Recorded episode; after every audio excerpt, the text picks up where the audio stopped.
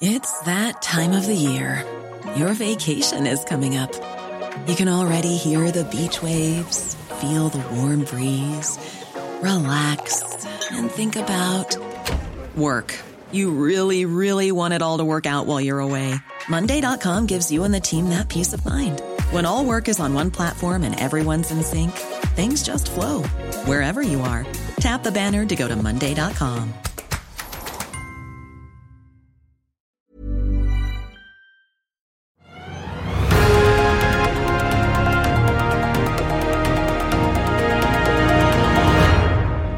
Finansmarkedet det går i sykler, det gjør det jo alltid. Og noen ting det kommer og går av moten.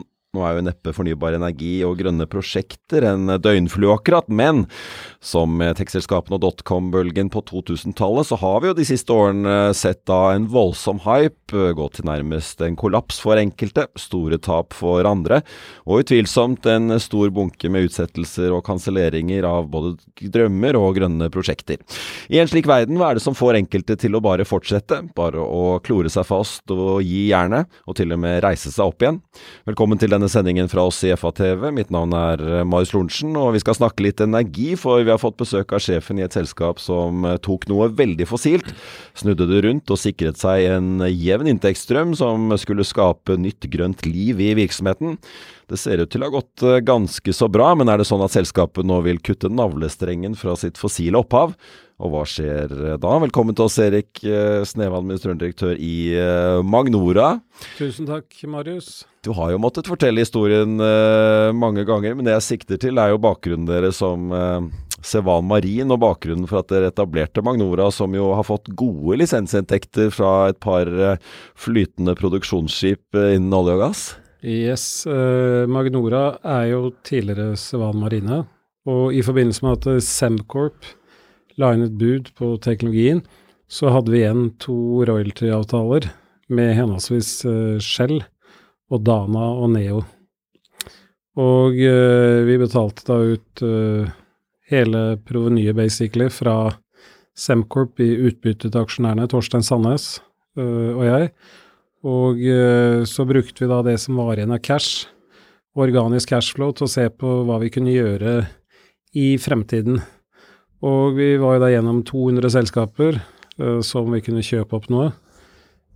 Vi kom da til den beslutningen at alt i Norge er veldig dyrt, og det var et push fra aksjonærene på det tidspunktet, Kistefoss og MP Pensjon med flere, at man kanskje skulle gjøre noe organisk. Pettersen, familien Årskog Pettersen også, som fokuserte på at vi skulle prøve å gjøre noe grønt. Og det var veldig aksjonærdrevet. Og da bygde vi opp et lite team med erfaring med folk jeg hadde jobbet med tidligere i Statkraft og, og uh, Eidsiva Hafslund, Arise Wind Power, uh, samt Lundin. Torstein er jo gründeren av Lundin i Norge.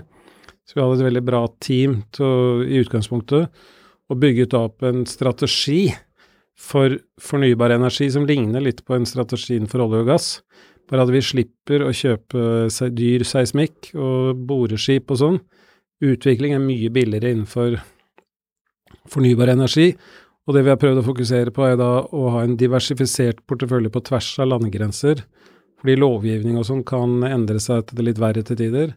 Men når du har da en bred portefølje, uh, så har du da muligheter for å få gode nyheter mange steder. Eller du tåler av flere dårlige nyheter. Og det er grunnen til at vi har gått inn i flere land og flere team, og at vi har bygd opp uh, egne prosjekter også.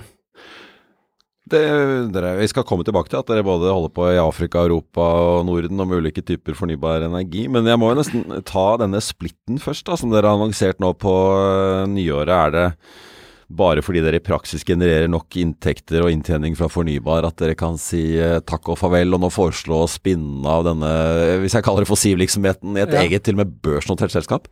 Ja, vi, vi, har jo da to deler nå, både fossilt og fornybart, som er, eh, har sterk organisk cashflow, som klarer å bære seg selv. Det var ikke tilfellet for eh, ett år siden og to år siden. Men eh, topp 50 aksjonærer, mange av de, eh, prosent, altså, har vært for at de gjerne vil at olje- og gassdelen skal være noe de kan ha i pensjon, som et fint eh, årlig utbytte eller kvartalsvise utbytter. og vi eh, har da hatt det i bakhodet, og så har vi da prøvd å komme oss inn på sånn utility-indeks og andre indekser med relevant sammenlignbare selskaper. Det har vist seg å være umulig så lenge mer enn 5% av inntektene kommer fra olje og gass. Og så er det en del av disse større nordiske fondene som har eh, spurt oss om vi kunne se på dette, fordi de kan ikke investere i selskaper som har mer enn 5% av inntektene sine fra olje og gass på topplinjen. Eh, så det er veldig mange forhold, og i forhold til eh, partnerskap og større eiere-eier-situasjon, så er det mange som kanskje er mer interessert i et rendyrka selskap enn en ikke rendyrket. Men det er litt synd, fordi det er eh, gode inntekter. Inntektene skyldes ikke olje og gass heller, det er jo designinntekter fra tidligere teknologi.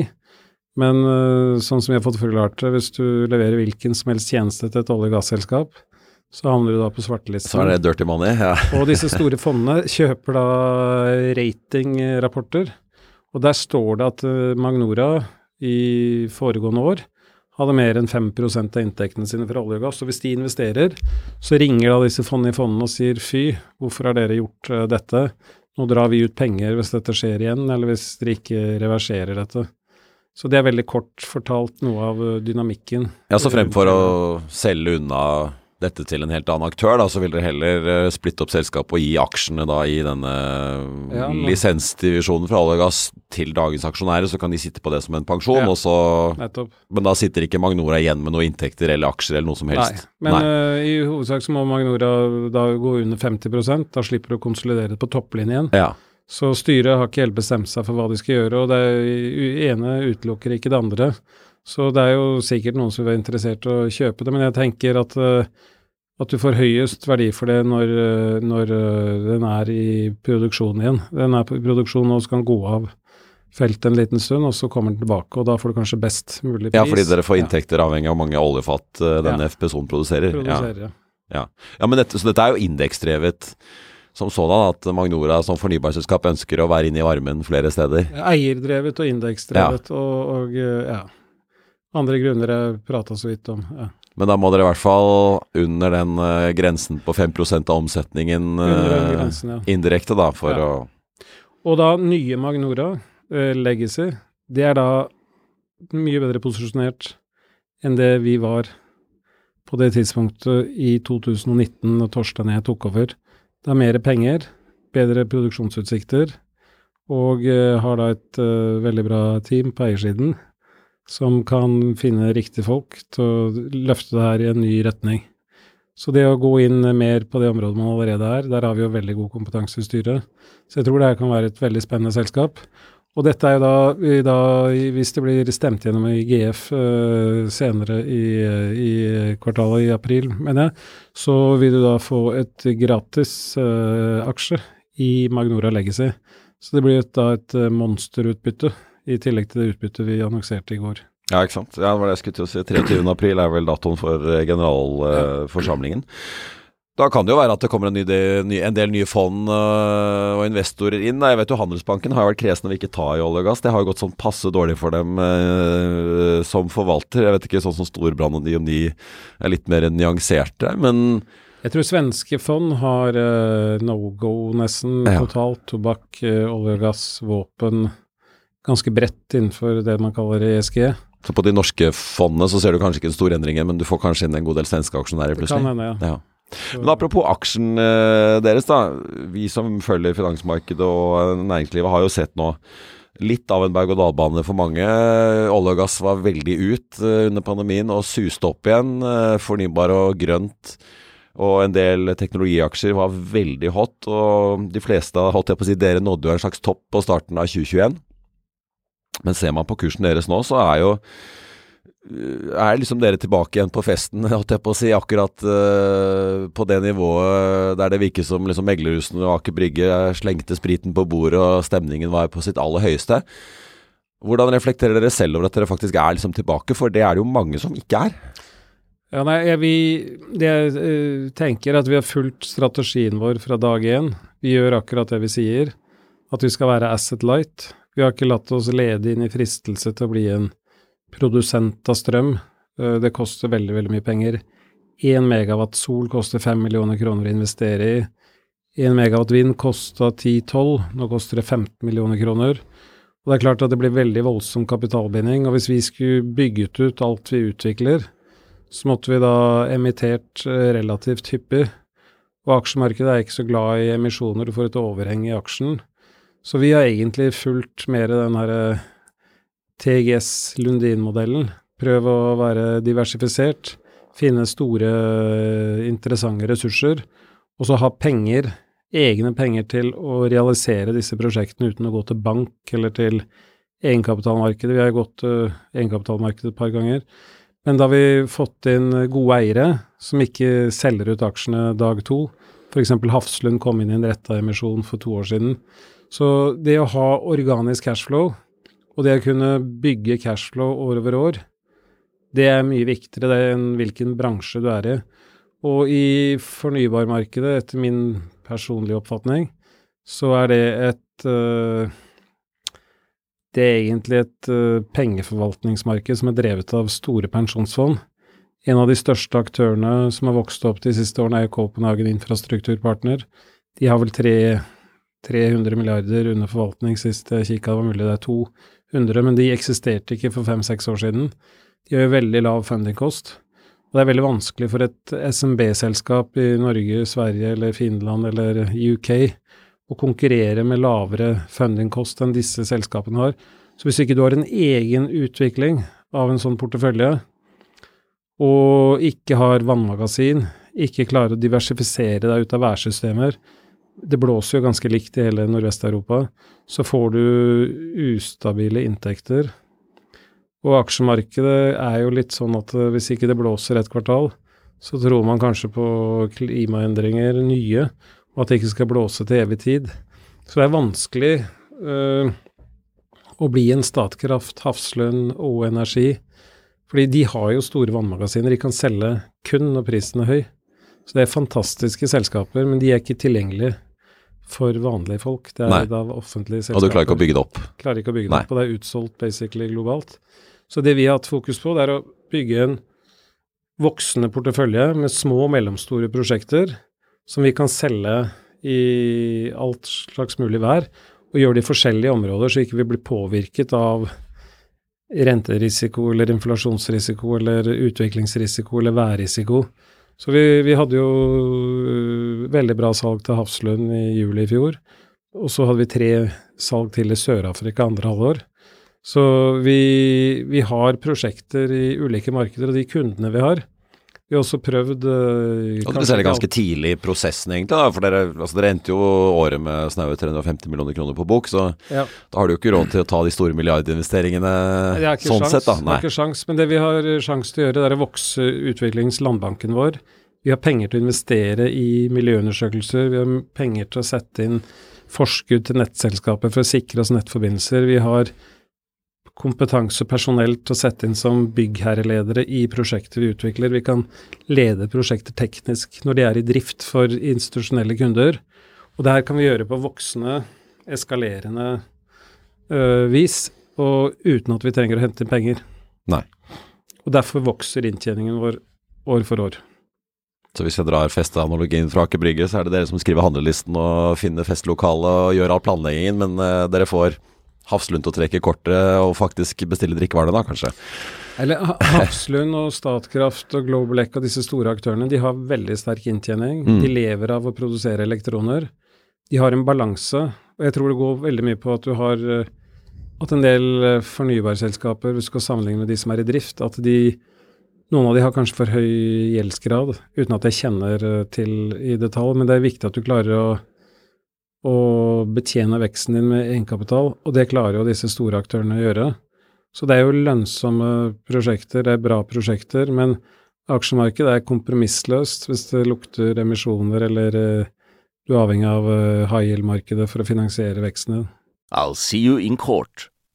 Vi sier det ofte litt på spøk, men for deg som driver business, er det aldri moro å innse at du ikke har laget en 100% gyldig kontrakt. Du bør ikke risikere hele firmaet ditt fordi du synes dette med kontrakter er litt stress. En avtale er ikke en avtale. Du kan miste kunder, miste venner, ja, til og med miste inntekter om du ikke lager en skikkelig kontrakt, på alt mulig, egentlig. Men vi vet det er et styr. Kopimaskiner, treg printer og haugevis av papir. Dessuten stoler vi jo på folk her i landet. Det er ofte litt kleint å skulle be om en signatur for alt mulig, ja, for mye av styret handler også om jakten på underskriften. Det finnes en enkel måte å løse dette på, Dukkobit, en trygg, effektiv og get this, gratis måte å sikre seg en god natts søvn pluss en juridisk bindende avtale. Dukkobit-appen har de strengeste sikkerhetskrav i bunn, samt en EU-godkjent og sertifisert teknologi. Framover vil det bli behagelig å spørre du, skal vi skrive under på det, eller? Kom i gang på dokobit.no. Men Erik, litt av det du snakker om nå, det kan jo hvis man drar liksom historien tilbake til .com, så kan det jo nesten virke som en sånn refleksjon over Ja, den gangen så hadde vi jo et kjempehype, masse selskaper inn, og så klappet alt sammen. Men det var jo mange store selskaper som reiste seg, og vi har jo Google og mange andre som, eh, som er her den dag i dag Ja. og blitt svære greier, og internett er jo ikke forbi oss. Er det litt det som skjer i fornybar nå, hvis du ser på det med litt sånn brede bilder fra utsiden? Da? Du har jo liksom sol og vind og hydrogen og batterier og alt mulig rart, men vi ser jo samtidig noen selskaper ta seg børs. Andre, Aker Horizons altså Jeg sammenligner jo kursene deres. Dere de siste tre årene er jo opp eh, nesten 30 Aker Horizons ned 90 Ja.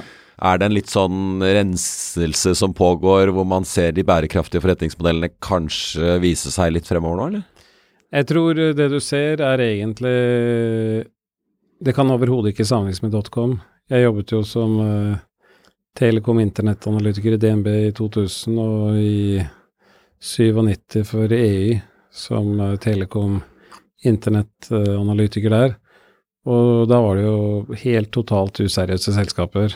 Det var helt vill pengebruk med folk som ikke hadde noen greie på internett, som brukte kapitalmarkedet bare for å finne på helt elleville ting.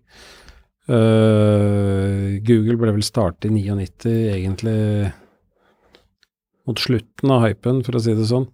Hvis du ser på fornybarmarkedet, så er det drevet av uh, veldig mye seriøse folk som uh, jobber i markedet.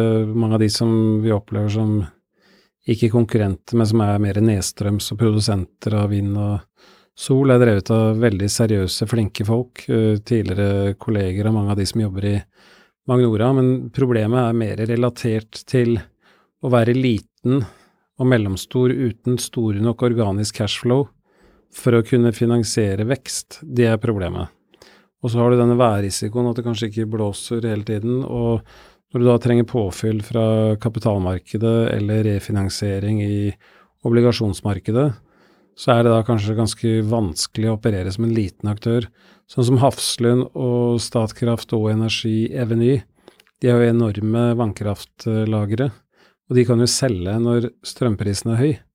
Men som en liten produsent av vind og sol, så er det veldig, veldig krevende. Da må du opp i en viss størrelse, kanskje 5-10 terawattimer, og være i ulike værsystemer. Spania, Norden, Hellas Ja, Så ikke du sitter der og så blåser i Skottland og blåser i Norge, og strømprisen Ja. deiser ned i null. Ja. Og så har du andre selskaper som kanskje har lovet seg bort med leveranser, men de klarer ikke å levere selv fra egen produksjon pga. problemer med nett og sånne ting. Og da må du gå og kjøpe strøm i markedet og levere til en kunde.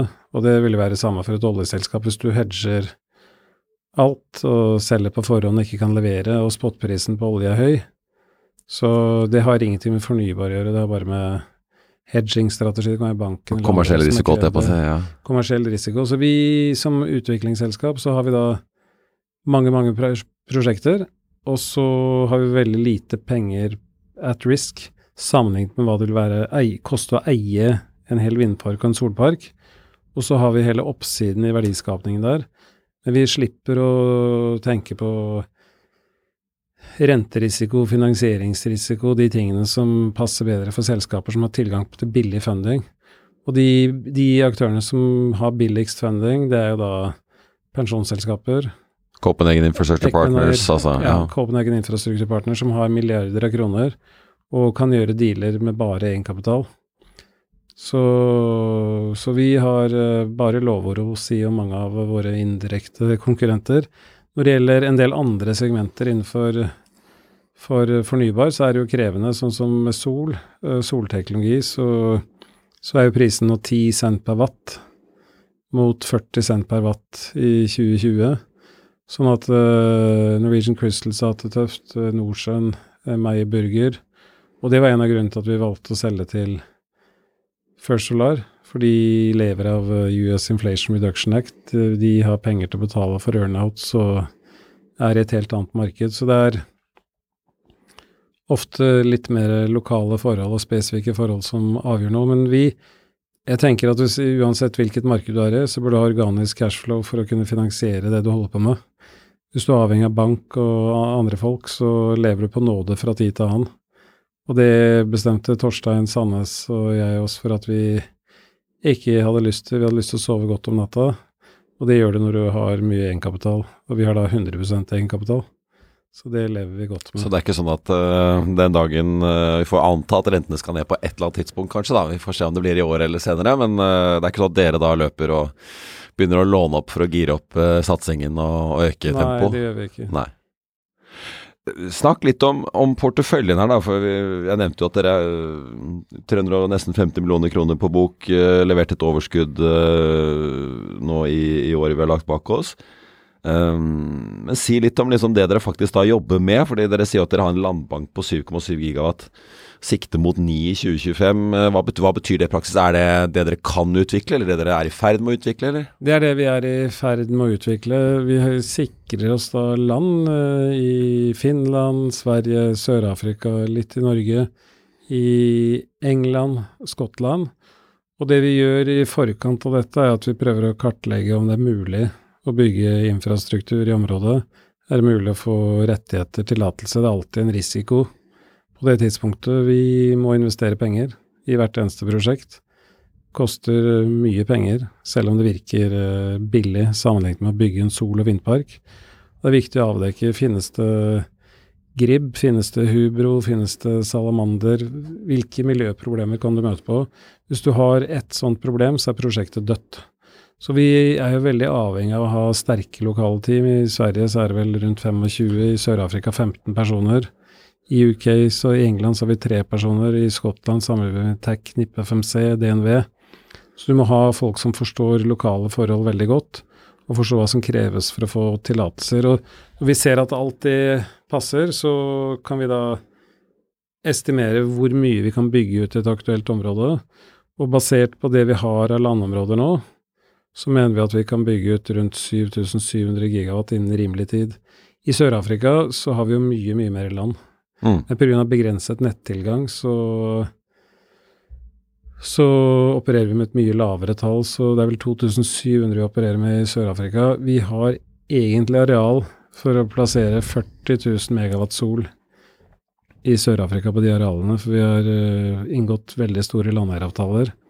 Men nett er en uh, begrensende faktor i alle markeder vi er i. Ja, det er ikke bare her i Norge, nei. nei. Så, så, vi prøver å være jeg, jeg, tror vi er ganske konservative på hva som er mulig å utvikle. Men hva, hva syns dere selv om volumet da? Altså, Equinor nå holdt jo de på kapitalmarkedsdagen sin på sitt mål i 2030 om 12-16 gigawatt installert kapasitet. da, og ja. Så sier dere at dere sitter og kan utvikle kanskje inntil eh, ni. Dere er jo nesten halve størrelsen av Equinors fornybar-portefølje, ja. sånn sett, da? Sånn som eh, Equinor, eh, de prater vel kanskje i hovedsak om offshore vind, og det har en høyere utnyttelsesfaktor.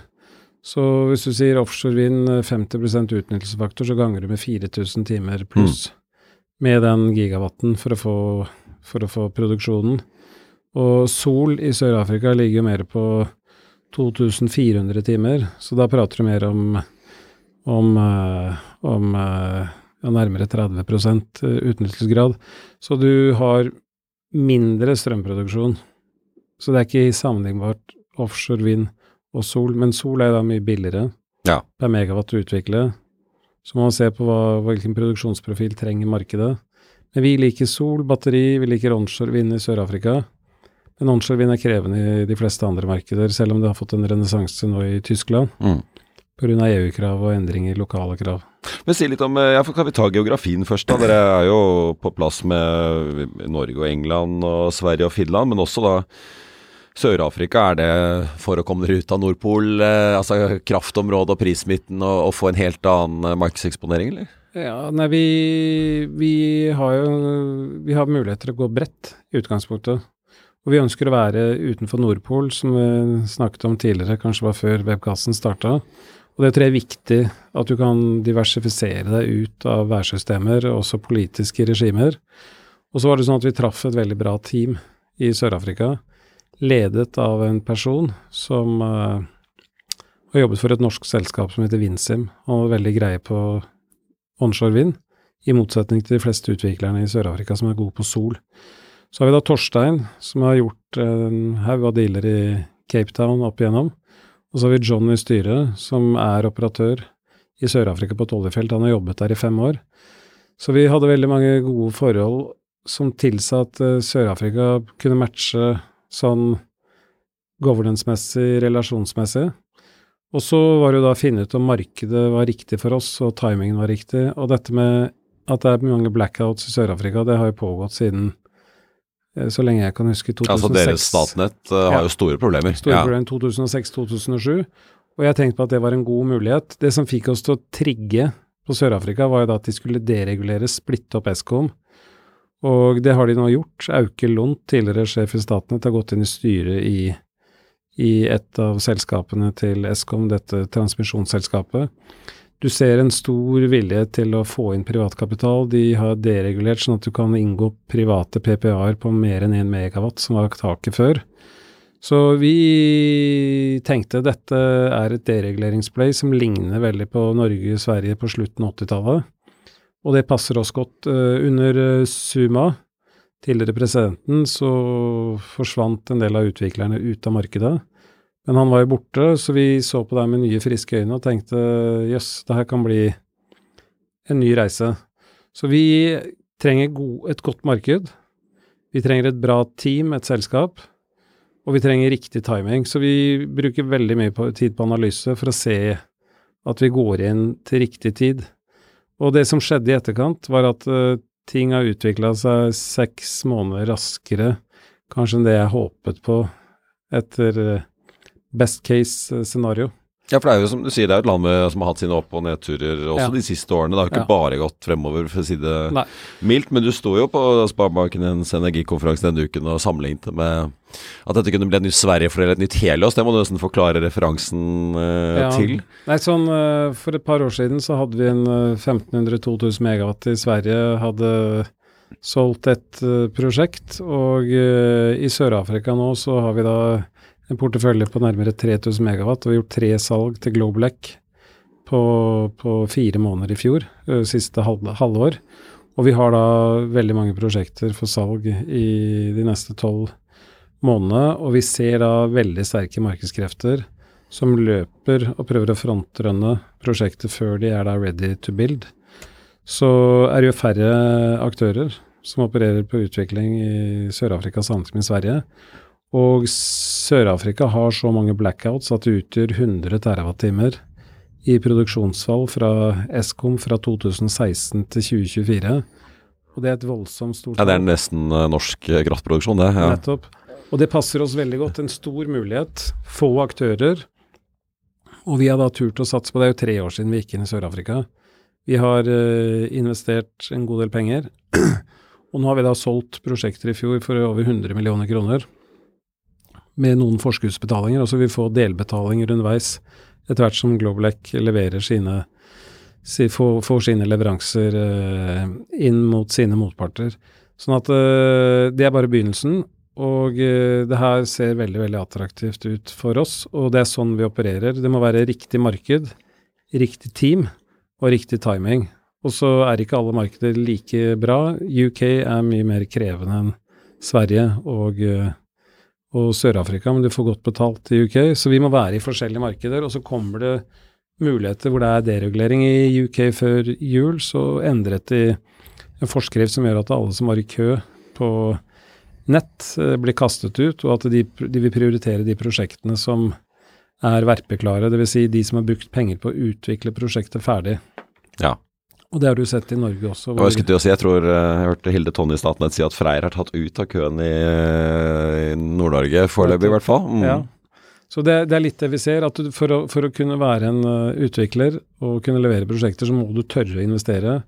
Det har vi turt å gjøre, og vi har vært av forskjellige steder. Vi ser nå på tre-fire nye markeder, så vi har et team på, på fire stykker som jobber med det på daglig basis.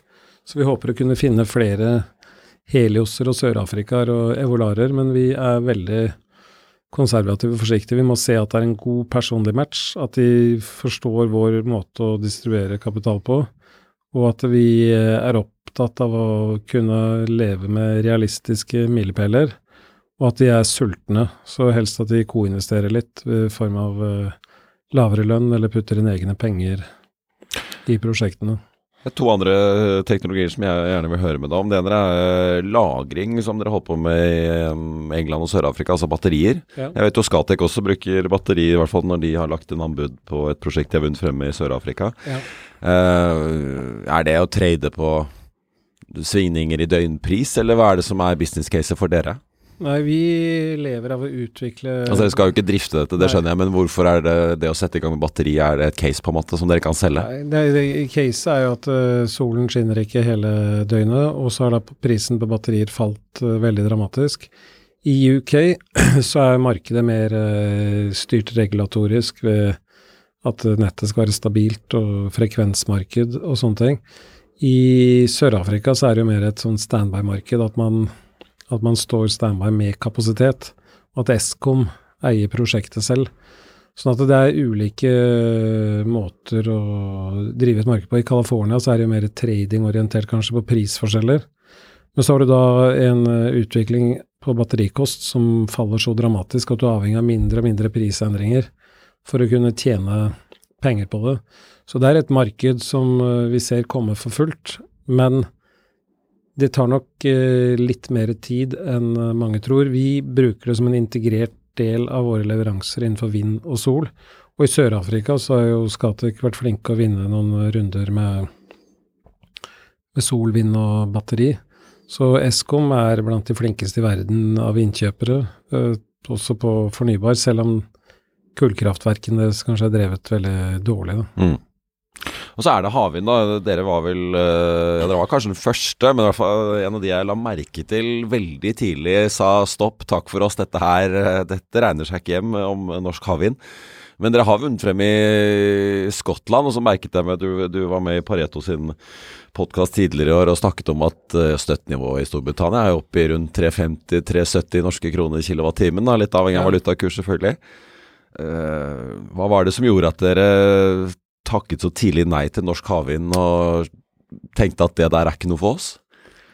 Nei, det er jo at, for det første at det er en liten mulighet med veldig mange aktører. Veldig mange flinke folk i Norge som vi kjenner direkte og indirekte, og selskaper har jobbet med havvind. Når vi satte i gang vår strategi, så i 2020 så var det veldig få aktører som jobbet med det. Og så har vi sett den politiske debatten og innspillene og har tenkt at dette går ikke riktig vei. Og vi så heller ikke noe marked for en utvikler som kan selge seg ned mot byggestart, som vi har sett i Skottland og andre markeder. Og uh, Du må være med løpet ut, liksom? Ja. ja. Så vi sa jo nei veldig tidlig, og sa at dette er ikke for å skape mangfold, dette blir et big company game. Og så rett etter vi trakk oss ut, vi sendte brev til departementet, så så vi da at det ble foreslått 66 øre per kilowattime på Sørlige Nordsjø. Og det tenkte vi, det må jo absolutt være alt, altfor lavt for å kunne realisere havvind i Norge, så vi er veldig glad for at vi trakk oss, og vi var eh, de første som trakk oss. Og etter dere så har alt fra Hydro til Vattenfall, og ikke minst også Ørsted, som har sine egne problemer, eh, sagt takk og ja. farvel. Vi, vi Hva tror dere om norsk havvind sånn sett fra utsiden nå, da, i og med at dere er ute? Men, men tror dere liksom dette blir noe av, eller kommer det til å liksom det, vi, Jeg følger ikke debatten så tett fra dag til dag, men uh, Sørlig Nordsjø ligger jo så langt fra Norge og alle europeiske land som du kommer, så du er jo avhengig av noen subsidier eller eksportkabler. Eller flippe kabelen fra eh, Rogaland og ned til ja. Danmark i stedet. Ja. Så Det finnes det hadde vært bedre å bygge på Siragrunnen nærmere norskekysten. Den norske sokkelen er veldig dyp. Så da, hvis du skal ha noe nært land, så må det jo egentlig være flytende havvind. Og i Norge så er det vel uh, litt sånn at uh, det er veldig politisk sensitivt det med subsidier til strøm og det å eksportere strøm, for det har vært sett på som en nasjonalskatt i alle år. Eh, og så har du da voksende kraftbehov og høye strømpriser. Og eh, vi syns det er en veldig krevende debatt å følge og forholde seg til. Og vi ser ikke at et eh, lite selskap som også kan ha noen rolle i det. Hvis du ser bort fra Norge, så satser ikke vi på havvind i noe særlig grad. Vi har da disse to prosjektene vi har jobbet med lenge, og all vår vekst skjer innenfor sol, batteri og onshore vind. Mm. Der kan vi være en spiller, og der kan vi være en lønnsom spiller. Men vi kan ikke drive politisk eh, spill og eh, bruke veldig mye tid på å være i det offentlige rom og diskutere hva som skal til. Det For oss er ikke det forretninger, det er noe for eh, store selskaper. Du har ikke en hel stab av folk som kan løpe ned på Stortinget og gå i gangene der. Men, men altså, dere vant jo frem i Skottland på havvind. Hva tror dere om det da? Støttenivået har blitt jekket opp, som du sa til Pareto. Er det da er det en case, eller er det risikabelt og trøblete når man ser hva som skjer med turbinprodusenter og andre utviklere som Ørsted og Vestas? Jeg tror eh, UK, de eh, etter, eh, etter den store smoggen i, på tidlig 50-tallet, så har de sakte, men sikkert jobbet seg vekk fra fossilt, og et kraftig fall også på kullkraftverk. Så de ønsker å være selvforsynt. De er vant med høye strømpriser, og de ser på det her som et uh, nødvendig onde. Og uh, de har et litt annet syn på tilbudsmiksen, og de har vært flinke å koble seg opp mot andre land. Også, de har da verdens mest velutviklede havvindsatsing i UK. Og uh, når de bygger nå nettet for Scotwind, så er det vel den største infrastrukturutbyggingen noensinne i, i UK, Skottland. Så de tar det her veldig seriøst, å ha tilgang på stabil eh, strøm. Eh, de ser vel mer på snittprisen for strøm i UK enn tenker veldig hardt på støtteordningen knyttet til havvind som er aktuell for oss. Så over tid så vil vel dette falle. Vi ser jo både i 2007 og 2011 så steg jo prisen på vindturbiner av mye av det som har skjedd innenfor jernmalm og stålpriser. Så vi tror prisene vil falle en del. Så du får jo litt sånn uh, bust and boom i en sånn bransje som er avhengig av type periodevis begrensede uh, råstoffer. Hvis du ser på sol, så har jo da prisen bare falt og falt uh, hele veien. Og vi tror jo at uh, prisen på vindturbiner faller også, og vil nok falle inn mot uh, 2030, så regnestykkene blir, bli litt annerledes. Men det vi syns er hyggelig i UK, er at uh, britiske myndigheter does what it takes for å realisere havvind, for de har ikke noe særlig alternativer. Og på britisk onshore-side så har de ulik gradering av eh, land. Best and most versatile land og ulike graderinger av det. Så det er ikke aktuelt å bygge ut med onshore-vind heller. De har hatt stor suksess med de tidligere havvindrundene. De har jo veldig gode vindressurser. Fra 9 sekundmeter til 11,5 sekundmeter der vi er. Så det skaper da deres eh, Saudi-Arabia, som de ønsker å Jeg tror de ønsker å være en eksportør av strøm også. Om det blir lønnsomt for dem over tid, det får eh, gjenstå å se. Men hvis EU skal være karbonnøytralt, så vil jo prisene på grønn strøm være høyere hvis ikke CO2-fangst blir mye, mye billigere. Så det er ingen annen måte å gjøre det på. Hvis du ser på atomkraft, som øh, jeg ikke har noe imot, så er det Hvis det er stor motstand å få en vindturbin i nærheten, så har jeg lyst til å se ansiktet på de som får et atomkraftverk. Ullevål stadion konvertert eh, til kjernekraft. Så tar det veldig lang tid, sånn som i Finland nå, så er det jo 14 år forsinka. I UK så er Hinkley ytterligere forsinka. Det er rundt 300 milliarder kroner i overskridelser. Og disse small and medium-sized reaktorene var i Utah uh, viser seg å være forsinket. Sånn at uh, det er ikke noe quick fix på dette. EU må enten jenke kravene sine, eller så, så vet jeg ikke. Men prisen grønn strøm trenger man mer av pga. krav fra EU. Og fordi land som er USA og andre er redd for at de ikke kan eksportere til EU hvis man ikke er grønnere. Så du har en veldig sånn sterk underliggende vekst. Men er Likevel, bare basert på det du sier, er det da er, er havvind, særlig flytende havvind, er det da ytterst på marginkurven? Er det på en måte det siste du tar i bruk når du kanskje er et Storbritannia som er helt avhengig av det? Og at du først går løs på sol og vind og eventuelt litt mer vannkraft og kanskje kjernekraft. Jeg tror eh, hvis ikke kjernekraft er et alternativ, så er flytende havvind det eneste alternativet i enkelte markeder, sånn som Japan, California, Mm. Chile, andre steder hvor du har eh, store befolkningsgrupper. Men likevel 350. Kanskje Kanskje kommer ned i 250, da. Ja. du, men det er jo fortsatt langt over hende- gasskraft. Det, det kan jo hende det er en veldig, veldig attraktiv uh, CFD Ja, for en utvikler. Det kan være. Men det er det jeg sier, det er kanskje hyggeligere for dere enn eh, for meg som skattebetaler, eller hvis du er en Elkem eller Yara og skal kjøpe inn den energien da, for å drive industri. Det gjør det jo veldig krevende. Hvis du ser i Norge, så bygget man uh, Produserte hydrogen her fram til 1993. Og så ligger jo veldig mye av uh, Hydro og Yara sine anlegg oppå gassfelt, faktisk, uh, i, rundt forbi Catalon og Australia og Texas. For da har du jo kort vei fra gassfeltet og rett inn i fabrikken. Så det å være kortreist og billig, det er viktig i alle bransjer. Mm. I Europa så blir det krevende for kraftkrevende industri hva man skal gjøre hvis du kan selge strømmen din til det dobbelte av hva du tjener på produkter i en mer integrert verdikjede. Det er et tøft spørsmål. Så Tyskland andre land eh, støtt, står veldig sterkt på å komme med støtteordninger. Vi er mest opptatt av kan vi utvikle prosjekter. Og eh, så lenge vi får til det lønnsomt, så gjør vi det. Og vi har fokus på volum og skala. Vi får ikke det til, til innenfor havvind, og derfor er Scotwind vårt eneste flytende havvindprosjekt. Og det blir nok med det, så vi har all fokus på sol, onshore vind og batteri. Ja. Men for havvindindustrien, de som går og snakker om at dette kan bli stort for Norge som eksportindustri, kanskje ikke at vi har så mange felt selv, det kan jo kanskje bli, vi får se, men, men tror dere på det i det hele tatt? Når dere sitter og en uh, ser på dette og regner på dette? Ja, du, det er jo forankringssystemer og, og supply-båter og installasjonsfartøy. Og sånn verft eh, til en viss grad, men en stor del av verdien på en uh, turbin i dag er jo da På, en, på, et, på et vindkraftverk flytende er jo, da, er jo da selve turbinen. Og det er ikke så mange leverandører av turbiner. Eh, så har du understell, som kanskje kan produseres eh, enkle steder, men det går vel mye mot halvfabrikasjon og sammenstilling. Så marine installasjonsfartøyer, eh, tekniske undersøkelser, biblioteker, TGS satser litt på sånne ting.